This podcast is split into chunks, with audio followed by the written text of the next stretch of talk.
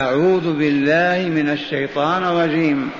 واعبدوا الله ولا تشركوا به شيئا وبالوالدين إحسانا وبذي القربى واليتامى والمساكين والجار ذي القربى والجار الجنب والصاحب بالجنب وابن السبيل وما ملكت أيمانكم. إن الله لا يحب من كان مختالا فخورا. هذه الآية احفظوها يا معشر المؤمنين والمؤمنات. يا من لم يكن قد حفظها من قبل وصلوا بها النوافل. ذي تكفيك أن تقوم الليل كله بها. تقرأ بها في الفرائض. لأنك كلما قرأتها ذكرت الله والحقوق الواجب عليك. وللذكرى نعم الذكرى وبإمكان أي أمي أن يحفظها. يجلس في طرف المسجد في وقت ما ويقول لأخيه من فضلك حفظني هذه الآية. يتلو عليه الكلمة بكلمة يحفظ واعبدوا الله ولا تشركوا به شيئا وبالوالدين إحسانا وبذي القربى واليتامى والمساكين والجار ذي القربى والجار الجنب والصاحب بالجنب وابن السبيل وما ملكت أيمانكم إن الله لا يحب من كان مختالا فخورا مرة أخرى. واعبدوا الله ولا تشركوا به شيئا وبالوالدين إحسانا وبذي القربى واليتامى والمساكين والجار ذي القربى والجار الجنب والصاحب بالجنب وابن السبيل وما ملكت أيمانكم. إن الله لا يحب من كان مختالا فخورا. هيا ندرس الحق الأول وهو أوجب الحقوق وآكدها على الإطلاق لأنه حق من؟ حق الله. قبل كل حق ولا لا؟ دل على هذا الحق قوله تعالى واعبدوا الله ولا تشركوا به شيئا. فأمرنا تعالى نحن المؤمنين والمؤمنات لأننا آمنا وعلمنا. أمرنا أولا أن نعبده وذلك بطاعته فيما يأمر بفعله وفي وبترك فيما ينهى عنه. ولا بد من معرفة أوامر الله ونواهيه. لا محالة. ما هناك أبدا طريق إلا أن نعرف ما أمر الله به وما نهى عنه. فإن لم نجد في قريتنا من يعرف أوامر الله أو نواهي نرحل إلى قرية أخرى. تجب الهجرة. الهجرة لطلب العلم واجبة لا يحل لمؤمن أن يقوم بدار. لا يجد من يسأله عن أمر أو نهي. يجب أن يخرج من هذا البلد. لأن أمر الله هذا لا يتحقق إلا بالعلم وإلا لا. واعبدوا الله قلت نعم مستعد أن نعبد ربي. كيف وقد خلقني ورزقني وإليه مصيري أعبده؟ ولكن بأي شيء؟ ما علمت. فيعلمك العالم أوامر الله كالصلاة الزكاة بر الوالدين الإحسان المعروف الحج الرباط الصدقات ذكر الله بالتسبيح كذا. تتعلم. ويعلمك منهياته ما نهى عنه من الكذب إلى الشرك إلى الكفر إلى الزنا إلى الربا إلى الغش إلى الخداع إلى أذية المؤمنين إلى إلى منهيات وهذا كله في كتابه وبيانات رسوله صلى الله عليه وسلم. أما أن يعيش المرء خمسين أو ستين سنة لا يعرف أمر من أوامر الله ولا منهي من نواهيه كيف يعبده مستحيل. ما أطاع الله. وسر هذه العبادة أنها السلم الذي تصعد عليه إلى الملكوت الأعلى. إن رأيت فيها صعوبة مشقة شدة كيف أعرف أوامر الله؟ كيف أعرف نواهيه؟ لن تكون في الصعوبة. كأن تريد أن تخترق سبع سماوات وتنزل بالفراديس العلا أيهم أصعب؟ أو ما أنت راجي ولا طامع أن تنزل الجنة؟ أعوذ بالله. فما دام أملك الوحيد هو أن يرضى عنك مولاك ويرفعك إليه. اذا فهذه الأوامر إلا إذا عجز. أما وأنت قادر عليها ما تتردد ابدا. أما النواهي لا خير في فعلها ما هو إلا الإثم والوسخ والهبوط والسقوط. ما فيه كلفة. عيش خمسين سنة ما تكذب كذبه يلزمك شيء؟ واعبدوا الله اولا ولا تشركوا به ثانيا. وهذا معنى لا إله إلا الله. ما تفسير لا إله إلا الله؟ اعبدوا الله ولا تشركوا به شيئا. اذا مرة ثانية يا معاشر المؤمنين والمؤمنات يجب أن نعرف فيما نطيع الله عز وجل حتى نعبده بذلك. نعرف ما أحل الله وما حرم ما أمر به وأوجب حتى يتأتى لنا أن نعبده. نسأل أهل العلم والله يقول فاسألوا أهل الذكر إن كنتم لا تعلمون. سر هذه العبادة عرفناه وإلا لا؟ الطهور الصفاء العز الكرامة وأخيرا رضوان الله والنزول مع الأبرار. ما هي مجانية وإرهاق بدون مقابل؟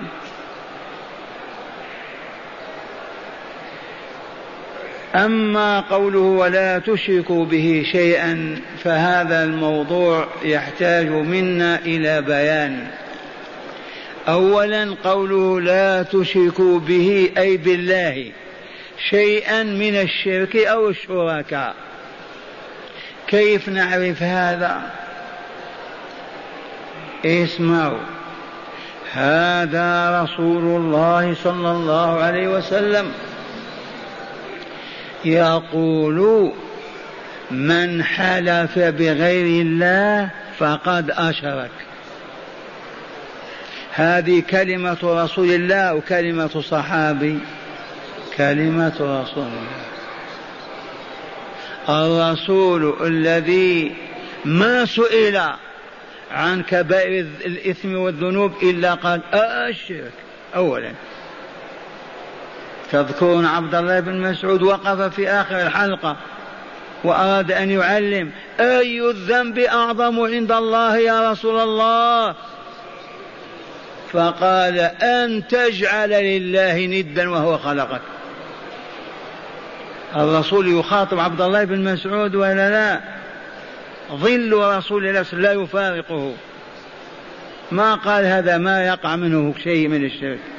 أن تجعل لله ندا وهو خلقك. وفي جلسة من الجلسات عاصرناها وعايشناها فقال ألا أنبئكم بأكبر الكبائر؟ ألا انتبهوا اسمعوا أنتم حاضروا العقول والأحاسيس؟ ألا أنبئكم بأكبر الكبائر؟ قالوا بلى يا رسول الله. قال الشرك بالله. وهو يخاطب من؟ أبا جهل وعقبة بن معيط. يخاطب أبا بكر وعمر وعثمان. لما؟ لأن الشرك يوقع فيه إبليس. أقسم لله بعزته ألا يفتر يعمل حتى يطغينا كلنا. إذا وقال في جلسة أخرى اجتنبوا السبع الموبقات اجتنبوا السبع الموبقات. ما هي يا رسول الله؟ قال الشرك بالله. خايف عن أصحابه أن يشركوا ولا لا؟ أو قال هؤلاء معصومون علماء ما به. إذا وقال من حلف بغير الله فقد أشرك. أحب أم كره؟ من حلف بغير الله ما غير الله؟ كل الخلق. حلف برأسه بأبيه بالصلة التي بينه بفلان بفلان بفلان والعوام يحلفون حتى بالطعام. يقول والملح الذي أكلنا. ما تركوا شيئا إلا حلفوا به.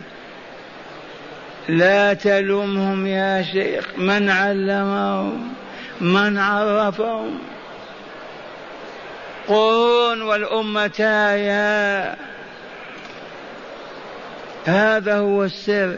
وإلا كيف يعرف مؤمن يرجو الله والدار الآخرة أن من حلف بغير الله فقد أشرك ثم يحلف بغير الله؟ والله لو يذبح. ما يرضى أن يش... أن يكفر بعد إيمانه. لكن لعب الثالوث لعبته وأهبطنا إلى الأرض وأبعدنا من كل سلاليم الرقي والصعود والقرآن أبعده على الموتى والسنة تقرأ على البركة وأترك أمة الإسلام تتخبط في حيرتها. من حلف بغير الله فقد أشرك. وقال له أحد أصحابه ما شاء الله وشئت يا رسول الله. بأدب. بظرف وتلطف. ما شاء الله وشئت يا رسول الله. قال قل ما شاء الله وحده. ما زدت أن جعلتني لله ندا. ما زدت أن جعلتني لله ندا شريكا له. قل ما شاء الله وحده. مع هذه نقول إيش فيه إذا كان انحنى وركع أمام سيدي فلان. مجرد كلمة ما شاء الله وشئت إذا بالأمس بينا أن القباب التي تضرب على الأضرحة من أندونيسيا إلى موريطانيا في رؤوس الجبال في السهول في المدن في القرى تلك القباب ما بنيت إلا من أجل أن يعبد الشيطان. ما أمر الله بذلك ولا أمر به رسوله صلى الله عليه وسلم ولا أمر بعلماء الأمة العالمون العارفون ابدا. الجهل والشياطين حتى يصرفوا الناس عن الله. فمن هنا وجب هجران تلك القباب والبعد عنها وعدم زيارتها وعدم الدخول إليها اولا. ثانيا الذين يحلفون بأصحابها الذين يستغيثون بهم الذين يسألونهم الحاجات الذين يتوسلون بهم إلى الله هؤلاء يعملون الشرك الواضح الصريح الذي لا لبس فيه. فوالله لو كانوا عالمين كما نعلم الآن وتعمدوه ما ذاقوا طعم الإيمان ولا دخلوا الجنة مع المؤمنين. لكن لما كانوا جهلاء ما علموهم ما عرفوا نترك أمرهم إلى الله. أما لو كان أحدهم عالم كما علمنا. أن من الشرك أن تدعو فلان يا سيدي افعل بي كذا وكذا. أو تسوق له بقرتك أو شاتك وتذبحها له وعرف أن هذا من الشرك وعامله متعمدا فهو آيس من دخول الجنة. اللهم إلا إذا تاب قبل موته. واسمعوا وتأكدوا من قول الله عز وجل وهو يخاطب رسوله صلى الله عليه وسلم ولقد أوحي إليك وإلى الذين من قبلك من عامة الأنبياء أمس ما كنا مع عيسى ماذا قال عيسى لبني إسرائيل؟ إنه من يشرك بالله فقد حرم الله عليه الجنة ومأواه النار وما للظالمين من أنصار. من قال هذه الكلمة؟ هذا عيسى ابن مريم. من سجلها لنا الله رب العالمين. آية من سورة المائدة. حرم الله عليه الجنة. ولقد أوحي إليك وإلى الذين من قبلك. ماذا؟ لئن أشركت وهذه اللام تعرفونها وعزتنا وجلالنا لئن أشركت يا رسولنا لا يحبط لا يحبطن عملك ولا تكونن من الخاسرين. وإن كان يقول أهل العلم من باب إياك أعني واسمع يا جارة. بمعنى أن الرسول هيهات هيهات أن يشرك. والله عاصمه. لكن إذا كان رسولنا يوجه إلى هذا الخطاب ماذا نصنع نحن؟ نذوب. ما يبقى لنا عذر أبدا. ولقد أوحي إليك وإلى الذين من قبلك لئن أشركت ليحبطن عملك. وحبوط العمل هبوطه وبطلانه. لو تعبد الله تسعين سنة وآخر يوم تقول يا سيدي فلان المدد الغوث أنا خادمك. ومت ما أعطيت حسنة واحدة على عباد تسعين سنة. لأنها إمحت ذهب أثرها قالت العلماء إليكم هذا المثل. توضأت وأحسنت الوضوء على أتمه ثم أنت ذاهب إلى المسجد فسوت أو ضربت. يبقى وضوء؟ كيف ما يبقى؟ أنا توضأت وغسلت يدي ووجهي وكذا والآن تقول ما؟ إيه نعم. حبط. كذلك تعبد الله ثم تقول كلمة الكفر أو الشرك يبطل كل عمل. استأنف العمل من جديد.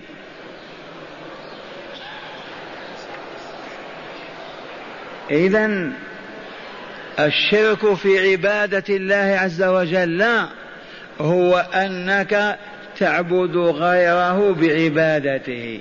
الدعاء عبادة ولا لا؟ ماذا عرفتم عنه؟ عرفتم أنه هو العبادة. وفي حديث الترمذي وإن ضعف الدعاء مخ العبادة. هل الحياة تتم بلا مخ؟ هذا الدعاء سؤال غير الله عز وجل الحاجة.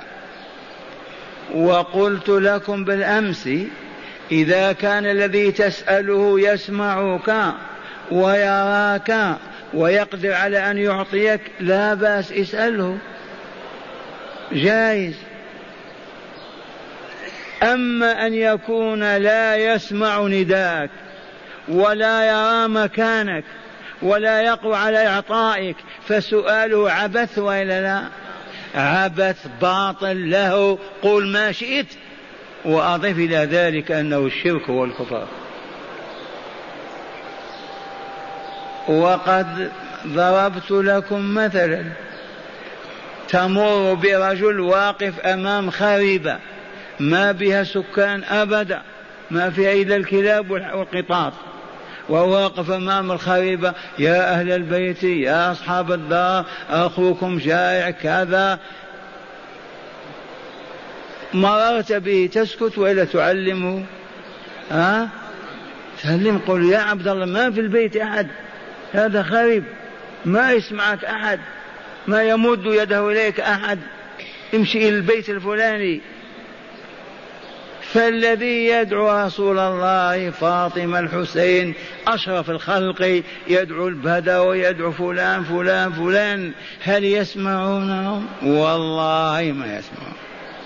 هل يعلمون أين هم موجودون؟ والله ما يعلمون. هل يقدرون على أن يعطوهم؟ والله ما يقدرون. إذا لم نسألهم؟ فقط دعاني إبليس نستجيب له فقط. أما الفائدة معدومة. فدعاء غير الله ومنه الاستغاثة والاستعاذة طلب الغوث أو طلب الحفظ كل هذا من أكبر الكبائر وأعظم الذنوب. ألا وهو الشرك في عبادة الله تعالى. ونبهنا إلى الانحناء. لا تنحني تعظيما لشخص من الأشخاص. ولا تركع ولا تسجد أبدا. إنما ذلك لله. والجهال إذا أتوا الضريح يركعون بعضهم يسجد. ما علموا ما عرفوا. لم ما نعلمهم ما يريدون. كيف ما يريدون؟ نعم.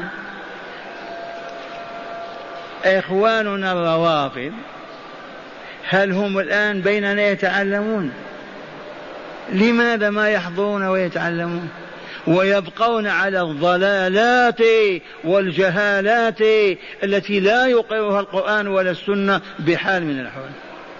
ونحن نراهم ونحن في أسف وحزن وألم وهم لا يحضرون. من يلومنا إذن؟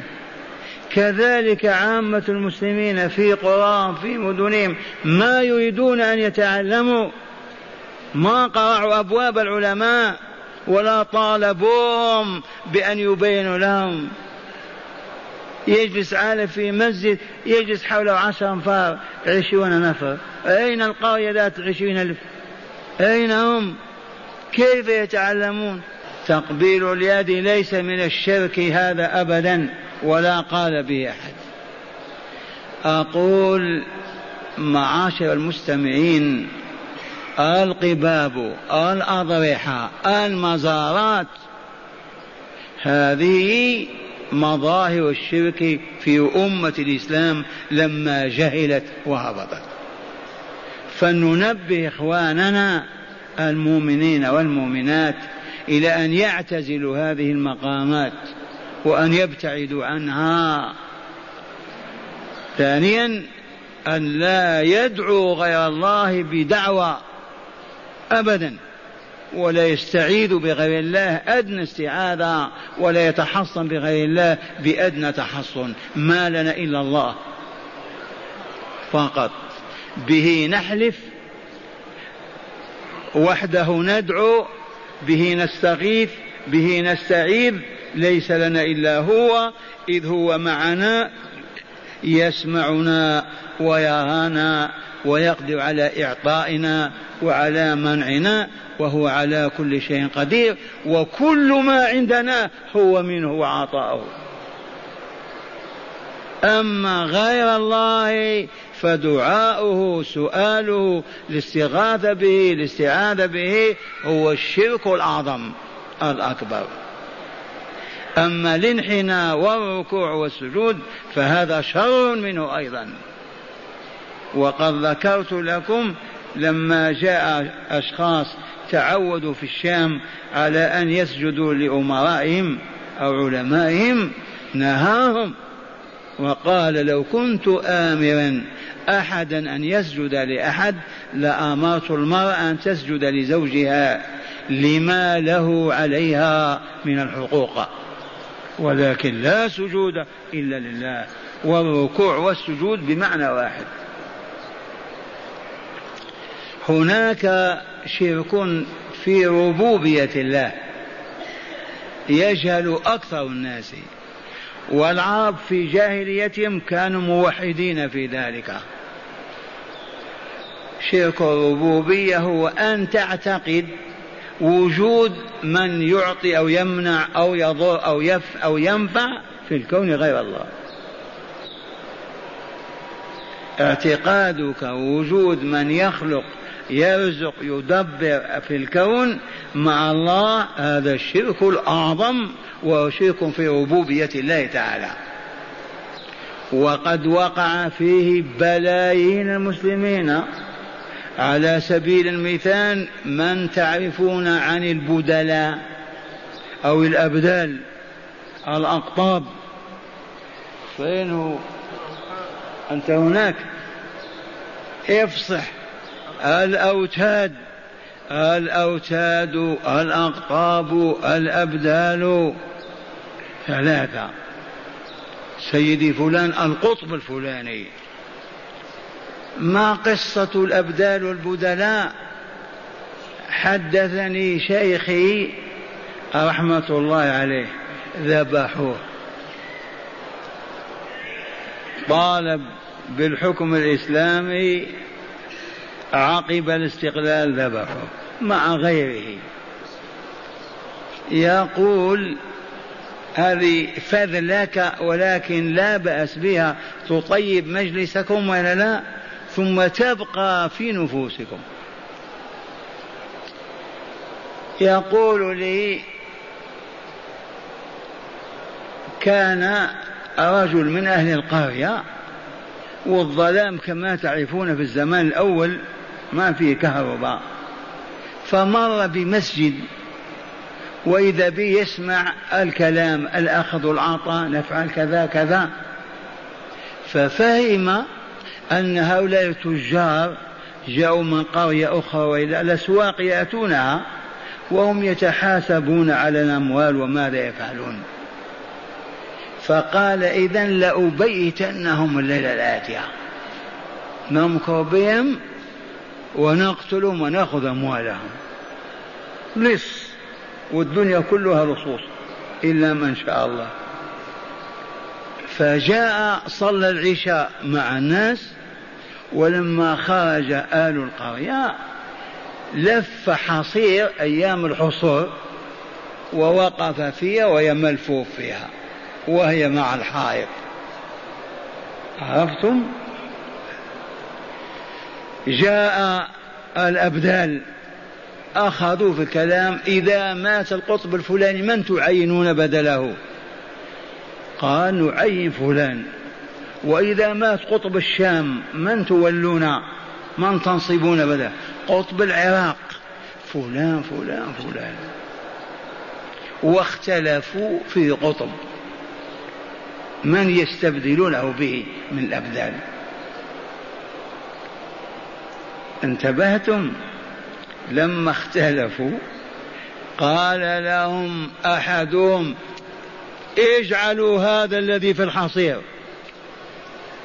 عينوه تعال اخرج. انت امسيت قطبا الليلة. لما يسمع هذا آباؤنا سبحان الله دخل لصا خرج قطبا. ويبكون. دخل لصا وإلا لا خرج قطبا. ويبكون من الخشوع. لا إله إلا الله. الأبدال هم الذين يديرون دفة الكون. من أهلهم الله. اذا فمهمة الأبدال إغناء فلان إفقاء فلان تبديل فلان إعطاء الولد لفلان وهكذا. فجعلوهم آلهة متعددة وسلبوا الله ربوبيته. فهؤلاء بمنزلة الأرباب. والذي يعتقد هذا أشرك في ربوبية الله غير الله. لأن الذي يعز ويذل ويميت ويحيي ويعطي ويمنع ليس إلا الله. فمن اعتقد أن قطبا أو بدلا يفعل هذا فقد جعل لله شركاء في ربوبيته وهو شرك الربوبية. اعتقادك أن كائنا من كان يعطي ويمنع ويضر وينفع ويحيي ويميت ويدير الكون هو الشرك في ربوبية الله. والعرب على جاهليتهم ما أشركوا هذا الشرك. وإليكم استنطاقات ربنا لهم. ولئن سألتهم من خلق السماوات والأرض ليقولن خلقهن العزيز العليم كذا ولا لا؟ قل من يرزقكم من السماء والأرض أم من يملك السمع والأبصار ومن يخرج الحي من الميت ويخرج الميت من ومن يدبر الأمر؟ فسيقولون الله. أعيد هذه الآية من سورة يونس وإلا لا. قل لهم يا رسولنا وهم يعبدون الآلهة من يرزقكم من السماء والأرض؟ من يملك السمع والأبصار؟ من يخرج الحي من الميت ومن يدبر الأمر؟ فسيقولون الله. إذا اعبدوا الله واتركوا اللات والعزى. في آيات عديدة العرب في الجاهلية موحدون في ربوبية الله. ما يعتقدون من يخلق ذبابة مع الله أبدا. ولكن عبدوا الأصنام والتماثيل عبارة عن وسائل يتوسلون بها. فذبحوا لها وأقسموا بها وعكفوا حولها كما فعلنا نحن والعياذ بالله. تذكرون هذا البيت من الشعر؟ رب يبول الثعلبان برأسه لقد ذل من بالت عليه الثعالب. ما هذا البيت؟ هذا مشرك أحمر. له صنم يعبده في شعب من شعاب المنطقة. تعرفون الشعاب بين وادي وجبال؟ قبل ما يقضي حاجته يتوسل به و إذ كان لكل واحد إله حتى في خيمته صنم فجاء يوما ليزوره لا ليعبده فوجد ثعلب قد رفع رجله ووضع على كتف الصنم ويبول عليه. لأن الذئاب والكلاب إذا بالوا كيف يبولون؟ لابد يرفع رجله. أين يضعها؟ على شيء. فلما نظر إليه والثعلب يبول عليه قال أرب يبول الثعلبان برأسه؟ لقد ذل من بالت عليه الثعالب ولم يرجع إليه أبدا. فطن ذكي رب يخلق ويرزق ويعطي ويحيي ويميت ويبول الثعلب على رأسه. هذا ما هو معقول أبدا.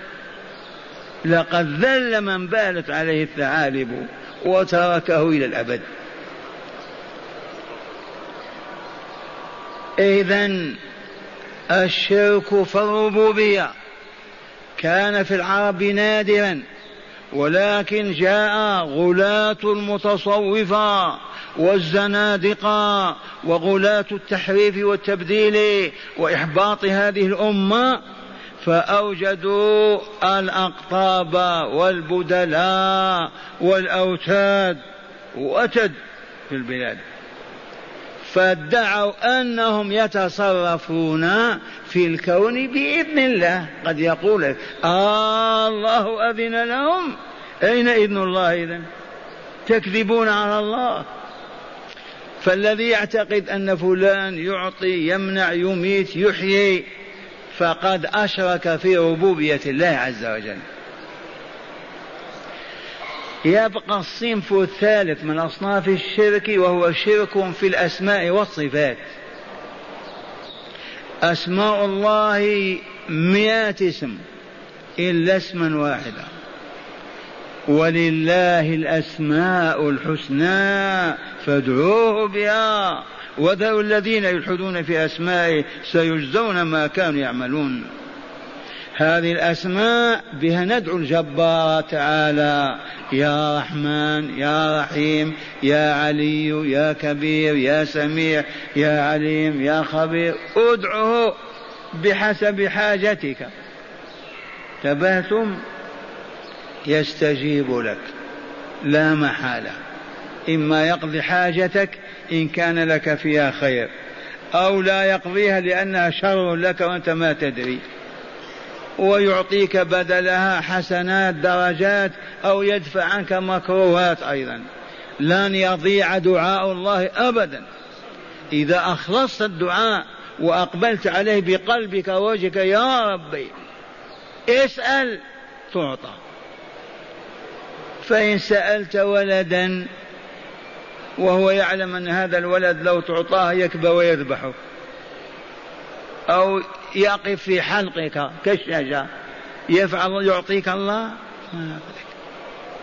سألته ماذا سيارة؟ أعطني سيارة وهو يعلم أنك لو ركبتها قتلت نفسك. يعطيك يغشك ربك. عجل وقضية الخضر مع موسى واضحة. أليس كذلك؟ أخرق السفينة قتل الولد جدد البناء لما أعلمه الله تعالى من العاقبة. أقول ادعوا الله وأخلص الدعاء واطمئن إلى أن الله يجيب دعوتك. إن كان ما طلبت ما طلبته فيه خير لك أعطاك. وإن كان ما فيه خير لك بل فيه أذى وشر ما يغشك مولاك ولا يعطيك ذلك الطلب. ماذا يفعل؟ إن كان هناك مكروه نازل يدفعه بذلك الدعاء. ما فيه مكروه نازل يرفعك درجات ما كنت لتصل بصيامك ولا صلاتك. لقوله تعالى وإذا سألك عبادي عني فإني قريب أجيب دعوة الداعي إذا دعاني فليستجيبوا لي وليؤمنوا بي لعلهم يرشدون. وقال ربكم ادعوني أستجب لكم. ولكن احذر احذر شرك العبادة تغيظ ربك وتغضبه عليك. يا الله ويا رسول الله. يا ربي ويا سيد عبد القادر. يا الله ويا رجال البلاد. تغيظ الله ولا لا؟ خلقهم ليعبدوا معه مخلوقون له. كيف تدعوهم معه وتشركوا مع الله؟ هذه الكلمات المنتنة العفنة عاشت عليها أمة الإسلام قرابة ألف سنة.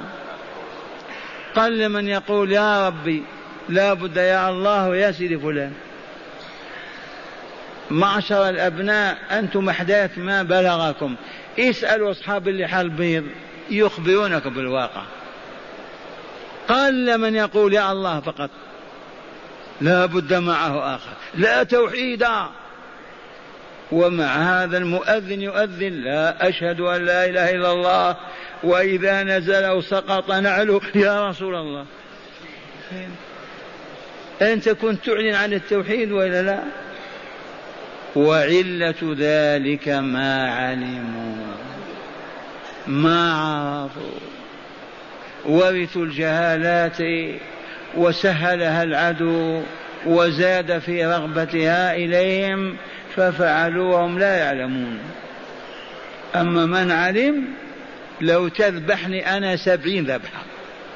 تبات على أن أسأل غير الله والله مسألة هذا أستثني من الجائز لو يجي شخص يضع المسدس في عنقي أو في صدري. آه قل يا عبد القادر وإلا نقتل. ممكن إذا خفت من الموت أقولها بلسان قلبي. ما هو مطمئن إليها. ذي رخصة جائزة لكن إن شاء الله ما نأخذ بها. لكن لو أخذنا بها لقول الله تعالى إلا من أكره وقلبه مطمئن بالإيمان. عمار بن ياسر رضوان الله عليه ابن سمية الشهيدة وياسر يمر بها الرسول في مكة عند الصفا يعذب.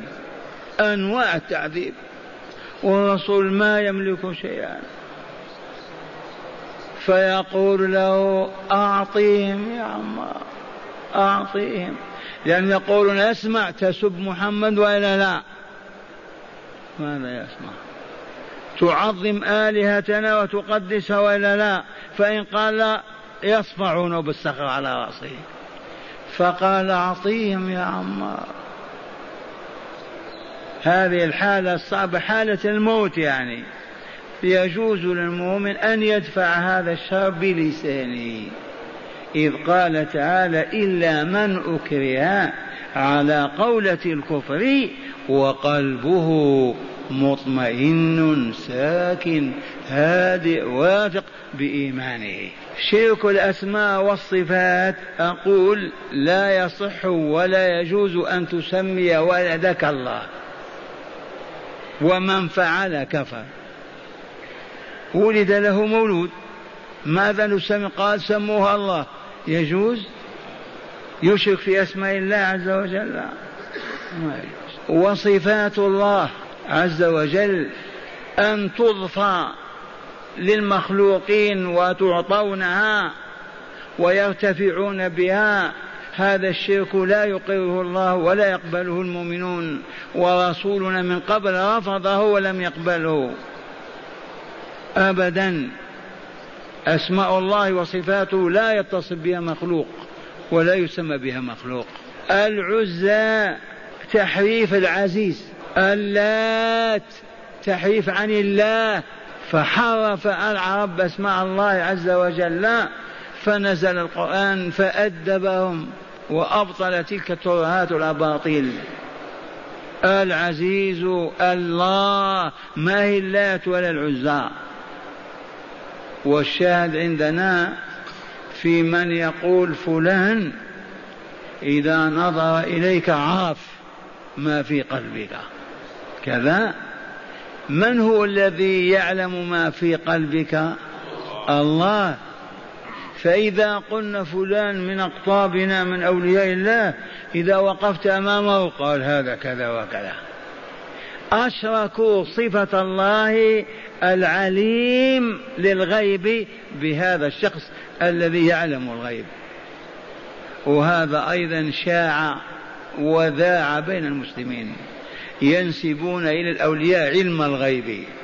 وقد استأثر الله به وحده إن الغيب إلا لله. قل لا يعلم غيب السماوات إلا الله. الاسم الأعظم أخفاه الله عز وجل حتى لا تستغني به عن أسمائه وتهجرها كما أخفى تعالى ساعة يوم الجمعة. لو علمها لكان كلهم لا يصلون إلى تلك الصلاة. فخلاها عامة. ليلة القدر بألف سنة. لو عينها وتعين ما عبد الناس الله في رمضان إلا تلك الليلة. ويدلك على هذا خارج بلادك أو في بلادك. لا يجتمعون إلا ليلة سبع وعشرين يجي الحاكم والضباط والدنيا يعبدون الله في رمضان ليلة سبع وعشرين رجاء أنها ليلة القدر. باقي الليالي في المقاهي. ثبات فأنت تعرف أن الله هو الاسم الأعظم. بحيث لا يسمى بمخلوق أبدا ولا تذكر إلا أول الأسماء. يا الله يا عليم يا حكيم. ما تقول يا لطيف يا خبير يا الله. أبدا. هو الأول. ثبات وادعوا الله بأسمائه كلها. إذ قال تعالى ولله الأسماء الحسنى فادعوه بها.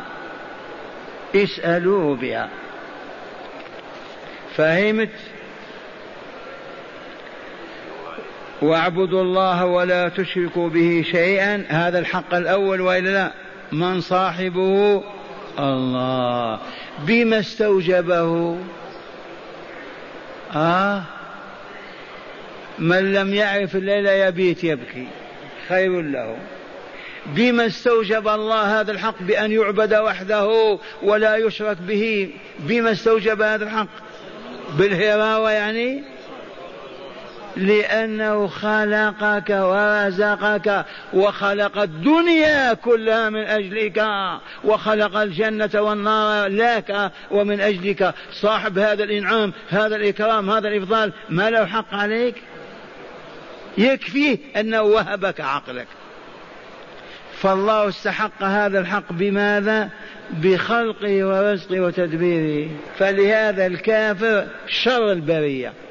دائما نقول اسمعوا إن اليهودية المسيحية البوذية الملحدة المشرك العلماني القردة والخنازير والكلاب والحياة أفضل منهم. يعجب الناس. لما؟ ما قال تعالى إن الذين كفروا كفروا من؟ الله. ورسوله وشرعه. إن الذين كفروا من أهل الكتاب أيضا والمشركين في نار جهنم خالدين فيها. أولئك هم شر البريئة. البريئة ما هي؟ الخليقة. برأ إذا خلق. وإن قرأت البرية أدغمت الهمزة حولت إلى يا وأدغمتها من شر الخليقة الذئاب الكلاب. لا والله الكفار والمشركون. يا شيخ كيف تقول؟ أنا قلت وإلى ربي الذي قال. قل بين لي وجه هذا نعم أبين لك. الكلاب والذئاب والقرادة والخنازير والحياة الثعالب ما عصت الله. ما خلقها له فهي تفعله بانتظام. ما أشركت به ولا أنكرته أبدا. وهذا الذي خلقك وفضلك وآثرك على غيرك وسودك وأعطاك وأعطاك تكفره وتغطيه وتجحده وتسبه أيضا وتكفر به. أو تجعل له تماثيل وأصنام وشهوات تقارنهم به. أي ظلم أعظم من هذا؟ فهذا شر الخليقة. لو بلغنا هذا اليهود والنصارى بعلم لبكوا ودخلوا في الإسلام. من شر البرية؟ الكفار والمشركون. وجه الشر ما هم أيخلقهم خالق ويرزقهم رازق ويربيهم مربي عليم حكيم رحيم. ويجحدونه ويتنكرون له ولا يقبلون إليه ولا يرفعون أيديهم إليه ويدعون إليه فيسخرون من الدعاء ويقاتلونهم ويقتلونهم. أليسوا شر الخلق؟ بلى. قال تعالى وبالوالدين إحسانا. الحق الثاني. لاحظ. اذكر هذا. ما ذكر تعالى حقه إلا ذكر بعده حق الوالدين. ما السر؟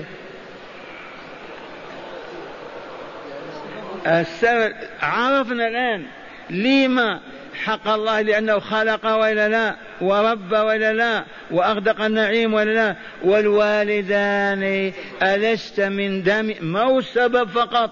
أنت دمهما أمك ما نمت في ما نمت في بطنها دمها ولحمها كلها أخذته أنت. لما ولدتك ربتك وإلا لا بالطعام والشراب وأبوك كذلك.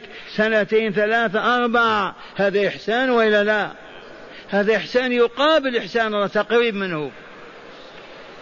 فلهذا إحسانك الوالدين بعد طاع بعد حق رب العالمين. وبالوالدين إحسانا. وتقدير الكلام واعبدوا الله ولا تشركوا بشيء وأحسنوا بالوالدين إحسانا خاصا. ما قال وأحسنوا إلى الوالدين. استنبطنا منها معنى لطيف. تبات خذ كاس اللبن واجعله في فم أبيك. ما تحطه هناك وتقول شيل واشرب. إذا تريد أن تصل قال احسنوا وبالوالدين إحسانوا وأحسنوا بهم ما قال أحسنوا إليهم. ثبات خرجت الألف ريال والخمسمائة طلبة ما ترميها قدام وتقول له خذها. عيب هذا. ضعها في كفه أو في جيبه. وعلى هذا فقيسوا. ما قال وإلى الوالدين إحسانا قال وبالوالدين. صل إحسانك به. ما تفصل عنه. ومن هذا الإحسان أدنى ما عندنا إذا مشيت مع أبيك ما تمشي أمامه. ثبات وإذا كنت طويلا وهو قصير ما تمشي إلى جنبه امشي وراءه. تبهتم؟ الإحسان إلى الوالدين خلاصة فقط ونعود إليه غدا إن شاء الله أن تبذل المعروف له وأن تكف الأذى عنه. خطوتان. الخطوة الأولى أن تبذل وتعطي ما يحتاج من المعروف في حدود طاقتك.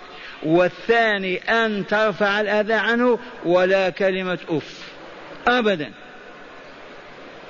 مقابل الإنعام. إن كنت ذا بصيرا ووعي وقلب سليم. أذكر فقط حملك في بطن أمك. أذكر تربيتك أذكر ما أغدق والدك عليك وعلى أمك. واذكر واذكر تستحي تخجل أن تتعرض لهم بسوء. الإحسان بالوالدين إيصال المعروف إليهم والمعروف كل خير. وكف الأذى عنهما أدنى أذى. إياك آه أبدا. كلمة أف وقول ذلك قول الله تعالى وقضى ربك بماذا؟ ألا تعبدوا إلا إياه وبالوالدين. هو واعبدوا الله ولا تشركوا به شيء هي هي الآية. أن اشكر لي ولوالديك. آية لقمان. أن اشكر لي ثم لمن؟ ولوالديك وهكذا ما ذكر تعالى حقه في العبادة والطاعة إلا ذكر حق الوالدين. فلنذكر هذا ونعود إليه غدا إن شاء الله.